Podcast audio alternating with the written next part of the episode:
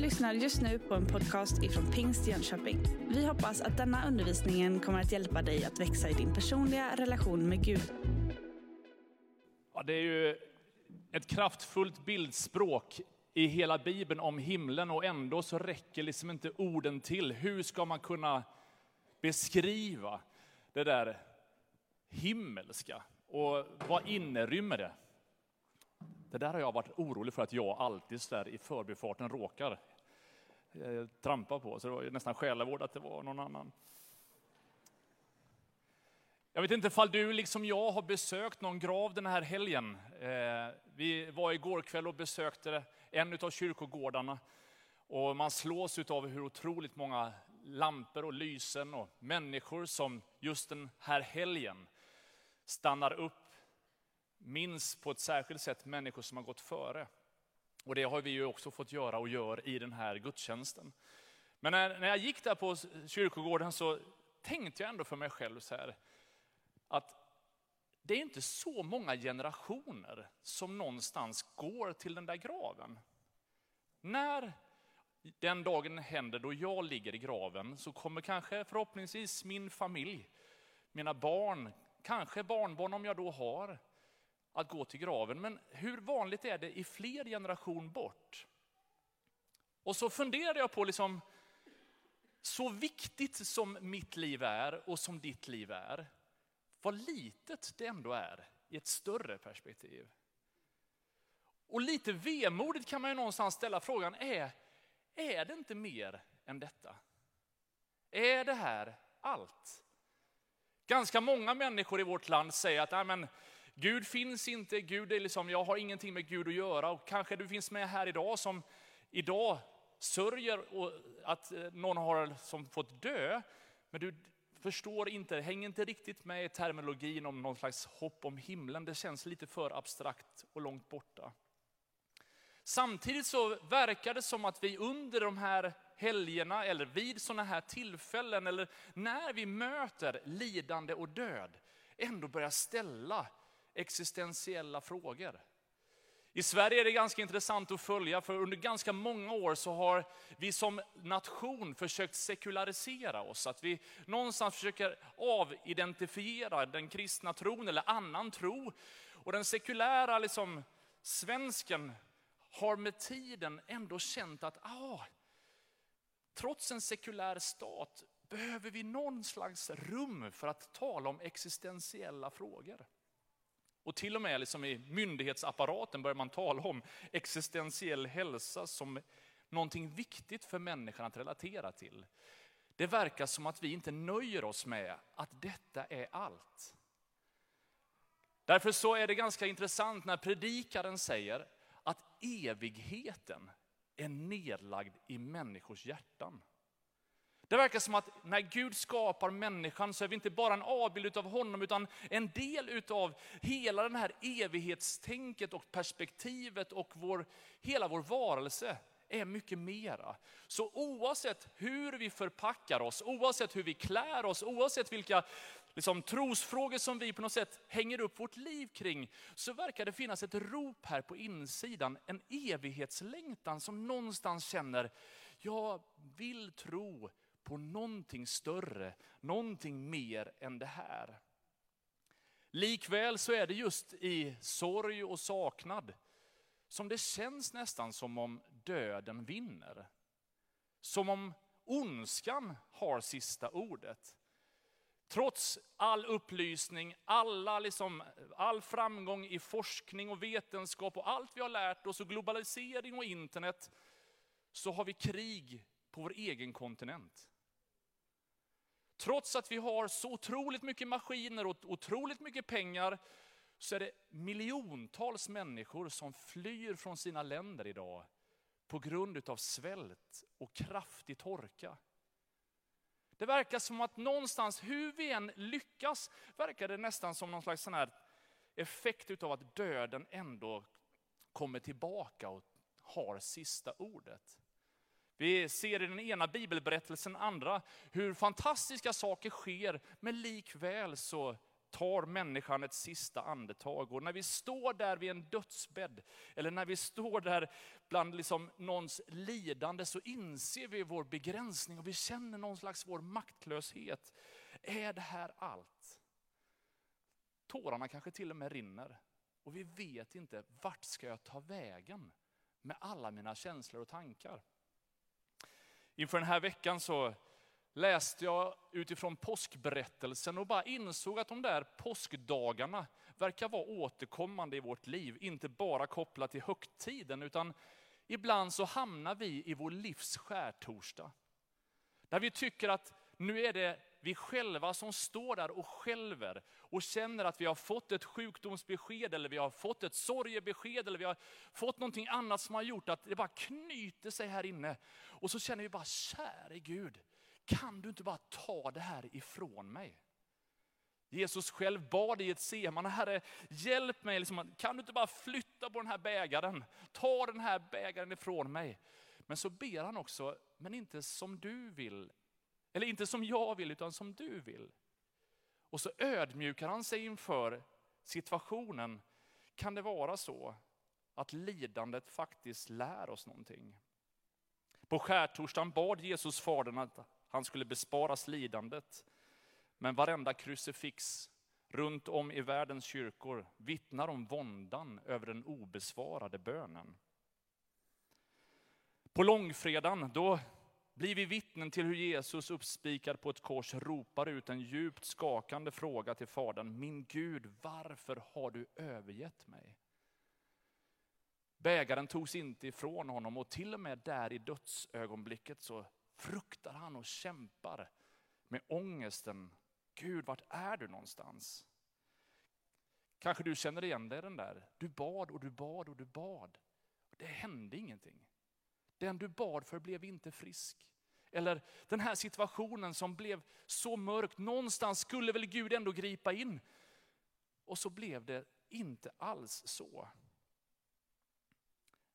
Den där märkliga dagen i påskhelgen är ju påskafton, då verkligen ingenting händer. Det är bara tyst. Det är bara stilla. Döden är ett faktum och Gud säger fortfarande ingenting. Kanske är det så att du är i den här kyrkan idag som ruvar på de där stora frågorna. Gud, har du övergett mig? Vart är du någonstans? Ser du inte mitt lidande? Vi som har gjort allting precis så som vi trodde att vi skulle och ändå hamnade livet här. Hur kunde det här ske mig? Varför Gud? Vad är du? Som kristen kyrka så uppmuntras vi och uppmanas vi till att lida med den som lider. Och jag hoppas att du känner vårt varma deltagande i din sorg, i din kamp, i det som är din strid. Och att faktiskt dina tårar också får bli våra, sårar, våra tårar. Men samtidigt som allt det där på något sätt blir tungt och lite vemodigt att hantera så stannar ju inte Bibeln där. Det är inte så att Gud på något sätt bara kapitulerar inför allt det mörka. Utan det kommer en påskdag då Gud bryter tystnaden. Och jag skulle önska att under några minuter påminna dig om vad Gud faktiskt säger om det himmelska. Och att det skulle få bli till hopp och välsignelse in i ditt och mitt liv. Ska vi resa oss upp och be än en gång en bön tillsammans? Innan vi ber så kan vi läsa från första Korinthierbrevet kapitel 15, vers 53. Där står det så här. Detta förgängliga måste kläs i oförgänglighet och detta dödliga kläs i odödlighet. Men när det förgängliga är klätt i oförgänglighet och det dödliga klätts i odödlighet, då uppfylls det ord som står skrivet. Döden är uppslukad i seger. Du död, var är din udd? Du död, var är din udd? Dödens udd är synden och syndens makt kommer av lagen. Men Gud var det tack som ger oss segern genom vår Herre Jesus Kristus. Jesus, jag tackar dig för förmånen att den här söndagen än en gång få stanna upp inför det storslagna. Att mitt i lidandet, mitt i kampen, mitt i mörkret, mitt i striden, mitt i kriget, mitt i lidandet, så har du klivit ner och Herre, jag tackar dig för att det finns ett löfte i ditt ord om att du har besegrat döden och att det inte är mörkret som får sista ordet. Herre, tack för att du är Gud med oss, även när det är skärtorsdag, långfredag eller påskafton. Herre, du är med i livets alla svåra skeden. Men tack, tack också för löftet om uppståndelsen. Tack för löftet om ljuset som besegrar mörkret. Tack Gud för att himlen är på riktigt och att du Gud sitter på din tron, har all makt. Och jag ber att det hoppet skulle få lysa in kraftfullt i våra hjärtan den här söndagen. I Jesu namn. Amen. Varsågod och sitt ner. Jesus själv säger faktiskt att han är uppståndelsen och livet. Den som tror på honom ska leva om han än dör.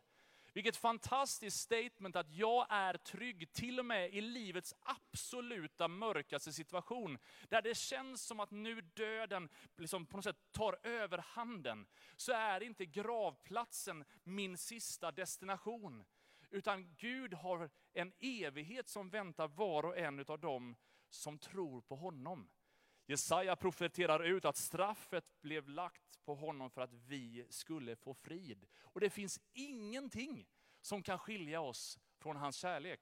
Paulus säger i Romarbrevet så här att jag är viss om att varken död eller liv, varken änglar eller furstar, varken något som nu är eller något som skall komma, varken makter, höjd eller djup eller något annat skapat ska skilja oss från Guds kärlek i Kristus Jesus vår Herre.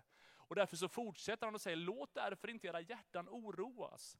Låt er liksom inte tappa hoppet, och, för jag bereder plats för er. Jag går nu till min faders hus och jag bereder rum för er. Jag går i förväg för att skapa ett, en plats för er att vara tillsammans med mig för alltid.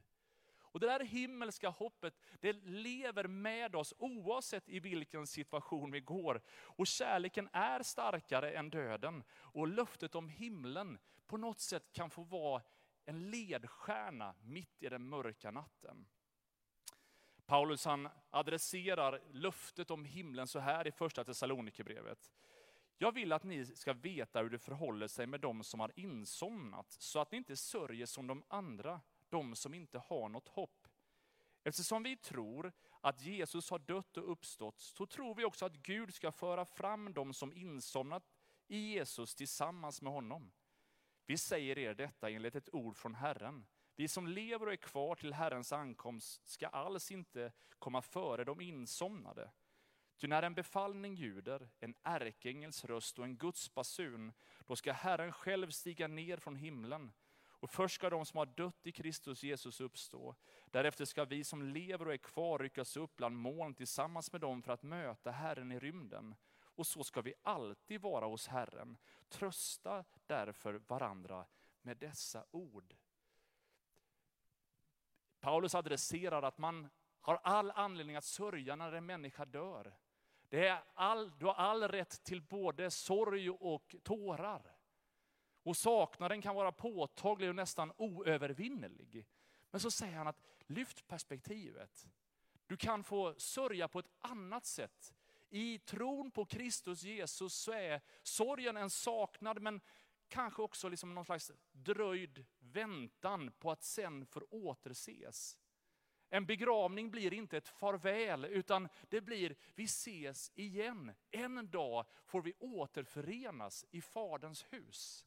Sörj inte som de andra som saknar hopp. Påminn dig om att Gud faktiskt har förberett en plats där vi får vara tillsammans både med honom och med varandra. Och så ska vi alltid vara hos Herren, säger den här bibeltexten. Det himmelska är inte bara att vi får återse de som har gått före oss, utan då ska den där gåtfulla spegelbilden som vi nu inte riktigt förstår, we can only imagine hur himlen är, på något sätt hur Gud i sin härlighet ser ut och är. Men då ska vi få vara hos honom, med honom för alltid. Se honom så som han verkligen är. Och därför ska vi trösta varandra med de här orden. Den här helgen, både med den här gudstjänsten och egentligen alla gudstjänster varje söndag, är ju tänkt att någonstans hjälpa oss och påminna oss om att Gud både är nära, men också att han har någonting framför oss. Att så länge vi vandrar på den här sidan evigheten så ska vi inte tappa blicken på evigheten och det himmelska hoppet.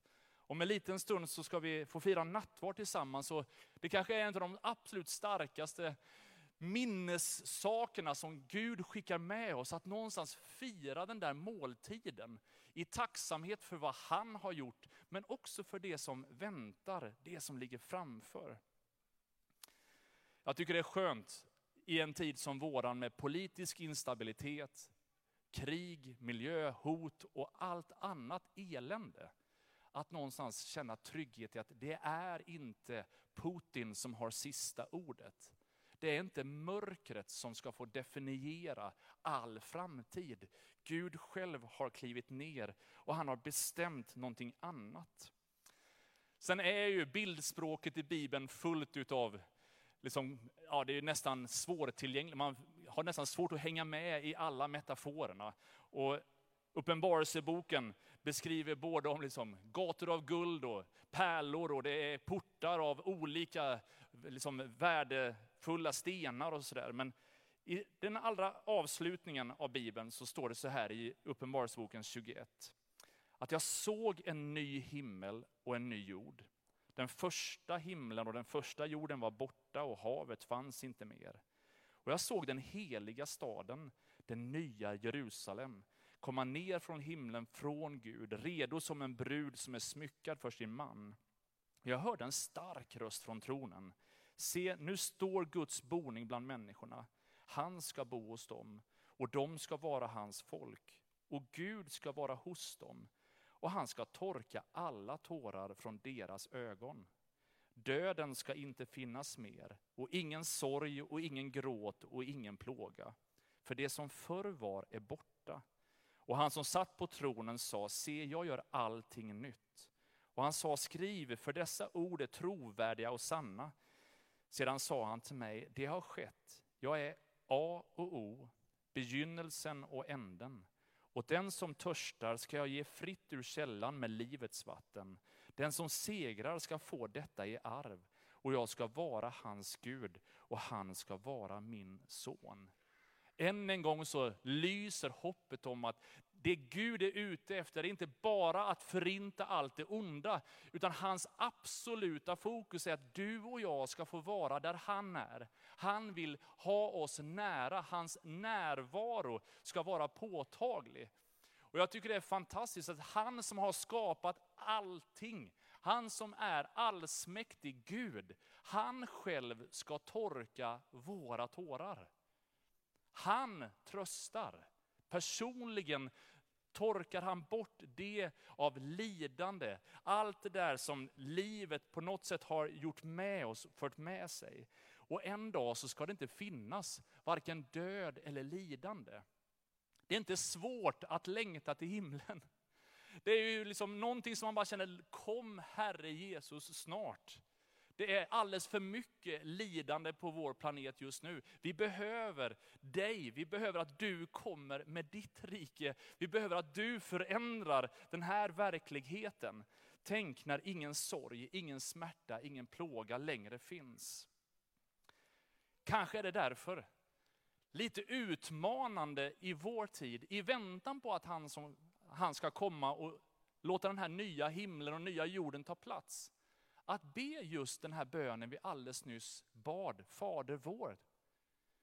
Där vi alldeles nyss bad, så som i himlen, så och på jorden. Hur skulle det se ut om det som Bibeln talar om som det himmelska skulle ta plats i Jönköping den här dagen? Eller i de delar av vårt land som skakas rejält av gängkriminalitet och massor med skjutningar. Vad skulle hända fall Gud kom med sitt rike där ingen lider mer? I Bibelns absoluta början så står det att i begynnelsen var jorden öde och tom. Och så säger Gud, var det ljus? Och så blev det ljus. Samma ögonblick som Gud talar sker det någonting. När Guds ord kommer så förändras förutsättningarna. Gud säger och det blir. Och så säger bibelordet i Nya Testamentet att i honom, i Kristus, var liv och livet var människornas ljus. Och ljuset lyser i mörkret och mörkret har inte övervunnit det. Vi ser i samma liksom bildspråk att när Gud säger någonting så förändras förutsättningarna. Det var öde och det var tomt. Människor saknade liv eller det var mörkt, men ljuset har övervunnit mörkret. Och jag är helt övertygad om att när Bibeln säger så som i himmelen, så och på jorden, så vill han tala om himlen och om sig själv så att det blir en verklighet in i ditt och mitt hjärta. Du kan var drabbad av sorg, du kan gå genom tuffa passager, men Gud kan få tala liv in i din situation. Gud kan byta ut sorgedräkten som du och jag kanske bär, till en annan lovsångsdräkt. Där vi känner att Gud är med oss genom dödsskuggans dal. Det är inte där vi slår läger, det är inte där vi bosätter oss, utan Gud leder oss igenom det. Låt ditt rike komma. Låt din vilja ske på jorden som i himlen. I väntan på den där återkomsten så vill Gud använda dig och mig för att sprida det himmelska till människor runt omkring oss. Vi säger i vår församlingsvision att vi vill vara med och göra Jönköping och världen till en bättre plats. Hur ska det gå till? Hur ska vi kunna förändra världen när det är så mycket utmaningar, det finns så mycket svåra situationer, det finns så många omständigheter som verkar nästan oövervinneliga. Ja, men likväl får vi någonstans hämta in det där livet i Kristus, som innefattar att hans ljus lyser in i våra hjärtan. Och när han lyser i våra hjärtan så får vi på något sätt bli de där ljusen som får stråla det där vidare till andra så att himlen kommer nära andra människor. Vi läste alldeles nyss i samband med parentationen om att vårt hemland är himlen. Den där himlalängtan är ganska naturlig. Att någonstans bedja, Gud en dag vill jag vara tillsammans med dig i det himmelska. Men redan nu så vill vi på något sätt utstråla och ta vara på de dagar vi har så att fler hittar tag i det där himmelska hoppet. När man går till en grav och minns de som har gått före, så blir det ändå lite eftertanke också kring hur jag förvaltar de dagar jag har. Vad kommer minnas mig den dagen då mina dagar är slut? Vad är det för eftersmak utav det liv jag har levt? Ganska mycket i vårt samhälle är ju ett jagande efter olika saker eller upplevelser eller allt det där som någonstans i livet kan verka viktigt. Men i ljuset utav döden så märker man att ah, det är ganska mycket av de där sakerna som är oviktiga. Jesus han utmanar och säger så här, samla er skatter i himlen. Där varken rost eller mal förstör och där inga tjuvar bryter sig in och stjäl. Att någonstans leva sitt liv här på jorden med siktet inställt på sånt som har evighetsvärde. Det som är riktigt viktigt. Och att lära känna Kristus och att låta fler människor få lära känna Kristus har absolut ett evighetsvärde. Och att någonstans låta det himmelska hoppet och Guds närvaro inte bara vara någonting för mig, utan någonstans bli tillgängligt för människor runt omkring, tror jag är en god efterföljelse och en god tanke. Du har just lyssnat på en podcast ifrån Pingst Jönköping. För att få reda på mer om vilka vi är och vad som händer i vår kyrka så kan du gå in på pingstjonkoping.se eller följa oss på sociala medier via pingstjkpg.